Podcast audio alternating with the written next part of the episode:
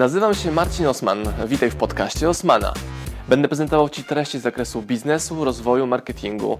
Będzie również dużo o książkach, bo jestem autorem i wydawcą. Celem mojego podcastu jest to, żebyś zdobywał praktyczną wiedzę. A zatem słuchaj i działaj. Marcin Osman. Jak zmieniło się Twoje grono znajomych od momentu, kiedy biznes zaczął Ci szybować? Zmieniło się tak, że jest w moim otoczeniu jeszcze więcej wymiataczy, hustlerów, przedsiębiorców, ludzi sukcesu, ludzi, którzy mają swój idealny dla nich lifestyle. I to się zmieniło. Jest sprzedaż, ale w większości nie są to klienci wracający. Czy ma to znaczenie, czy lepiej przywiązywać klientów? A czy ty dzwoniłeś do swoich klientów, wybierając telefon, list telefonu, które ci zostawili, czy nie? Bo takie telefony potrafią bardzo mocno zmienić życie, bo dokładnie widzisz, czego um, klienci Cię potrzebują, dlaczego Ciebie kupują, co jest ich motywem i uczysz się, uczysz się klientów. To jest mega, mega ważna lekcja, która wynika z tego, że tych klientów się uczysz przez rozmowę z nimi i widzisz dokładnie, czego im brakuje, czego potrzebują, co jest dla nich ważne i tak dalej, i tak dalej. Więc polecam zadzwonić do klientów. Marcinie, po jakim czasie działania stworzyłeś bazę mailingową? Czyli to jest bardziej pytanie, jak długo nie miałem bazy mailingowej działając w internecie? No, myślę, że z, Boże, nie wiem, z dwa lata, z półtorej roku. Zależy od kiedy liczyć, bo informacja o tym, że trzeba mieć bazę mailingową, to ja słyszałem 15 lat temu. I dalej jej nie miałem, znaczy i wtedy jej nie miałem, nie budowałem jej, nie rozumiałem, po co mi moje maile. A ktoś mówi, baza mailingowa to twój taki bankomat, potrzebujesz pieniędzy, podchodzisz do niego i, i wypadają pieniądze. No i tak właśnie się dzieje. I tak właśnie się dzieje. Jak szukać nowych tematów na content YouTube'owy w jego branży? Z dwóch miejsc, z trzech. Z głowy, z komentarzy, które masz pod swoimi filmami i z inspiracji innych twórców, najlepiej e, najlepiej, najlepiej z innych krajów. Wtedy masz pewność, że ten content jest świeży, ciekawy, przydatny, e, niepowtarzający się i też widzisz, jaki trend się wykształca i w którą stronę to wszystko idzie. Więc z tego miejsca bym rozpoczął y, działanie. Sprzedaję biżuterię na Instagramie, codziennie wrzucam posty, czy baza mailingowa im potrzebna. Na Insta wrzucam deale i komunikuję się z klientami. A co będzie, jak Ci jutro zniknie konto na Instagramie? Ale jak to? Tak to. Co będzie, jak Ci jutro zniknie konto na Instagramie? Co będzie, jak to zniknie Ci konto na YouTube, na Facebooku? No, ja raz miałem tak, że stałem chyba bana, albo coś zadziało się w wszechświecie, że miałem dostarczalność maili 0%, czyli moje maile nie leciały do odbiorców. I musiałem zrobić wtedy migrację na inne narzędzie i odetchnąłem z ulgą. Uff, dobra, działa. A miałem stres, że straciłem całą moją bazę i tym bym się przejął. Stratą konta na YouTubie? Nie. Na Instagramie? Nie, ale tym bym się przejął. Czy zaczepianie ludzi na ulicy to dobry sposób na budowanie bazy klientów? Nie wiem, spróbuj. Jak będzie zaczepiał dobrze, to albo zbudujesz bazę klientów, albo ktoś wezwie policję. Będziesz miał to zwalidowane. Czy będzie dostępna książka Jak radzić sobie z porażką? Będzie. Pewnie zajmie to około półtorej miesiąca, ale będzie. Czy istnieje możliwość prowadzenia dwóch różnych biznesów innych od siebie?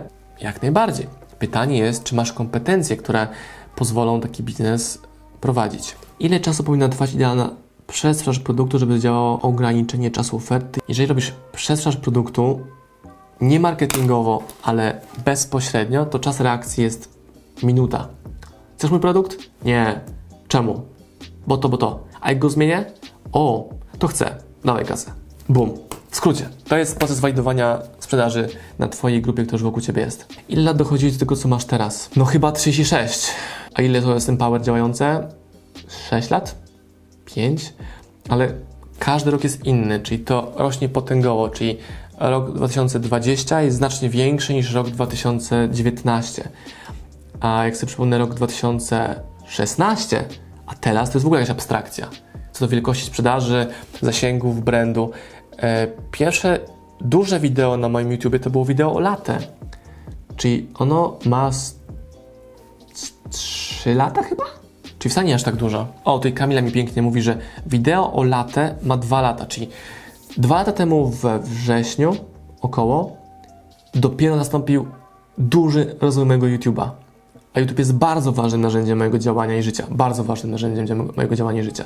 Więc jedynie, więc jeden, jedynie, jedynie, jedynie dwa lata od sukcesu latę. A to nie jest tak, że to latę załatwiło mi na zawsze zasięgi na YouTubie, tylko to był duży boost, czyli taki duży, e, duży boost, duży wzrost mojego kanału na YouTubie, rozpoznawalności, szans i tak dalej, i tak. Jak najbardziej, jak najbardziej. Zauważyłeś jakiś moment, kiedy biznes Tobie nagle wystrzelił pod kątem ilości klientów zamówień? Film o latę, coś innego, czy bardziej działo się to stopniowo równo? To jest wykres EKG, w którym jest krzywa rośnie cały czas, ale jest to budowane wielkimi pikami. Czyli duży pik zeszłego roku na przykład to było mm, od tego roku. Duży pik to e, wywiad u Roberta Gryna, gdzie byłem gościem jego podcaście, jego pomoc w promocji książki Felix Denis, jak zdobyć bogactwo, na pewno. E, co w tym roku jeszcze było takie duże? W tym roku na pewno TikTok był duży i miał wpływ na rozwój mojego Instagrama również i też YouTube'a, bo doszli kolejni widzowie. Co w tym roku było takie kluczowe?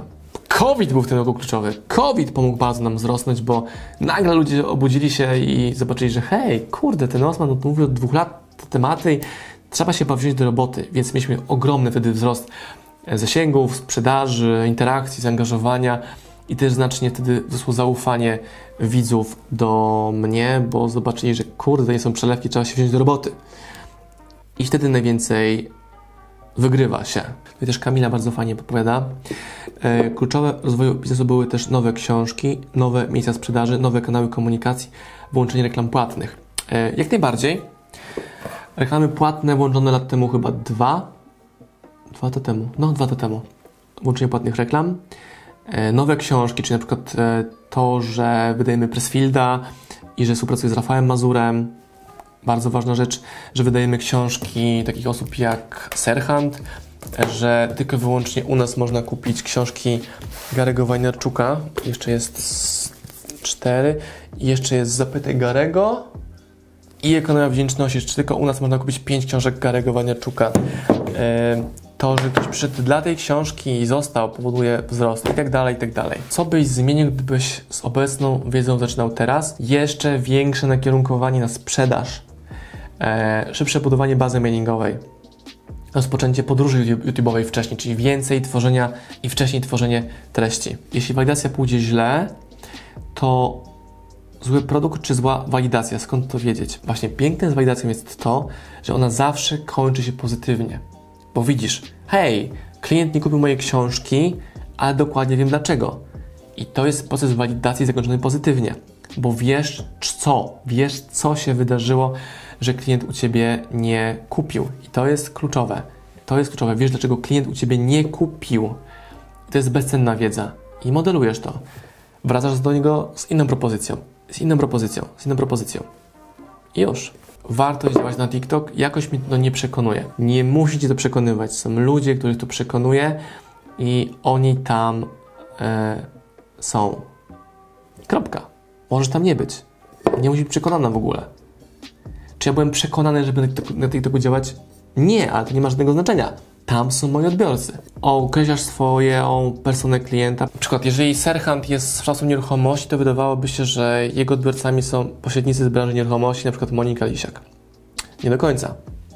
Jego lekcje są znacznie bardziej e, uniwersalne niż tylko branży nieruchomości. Co jeżeli wszystkie wiadomości trafiają do spamu, to znaczy, że wysyłasz spam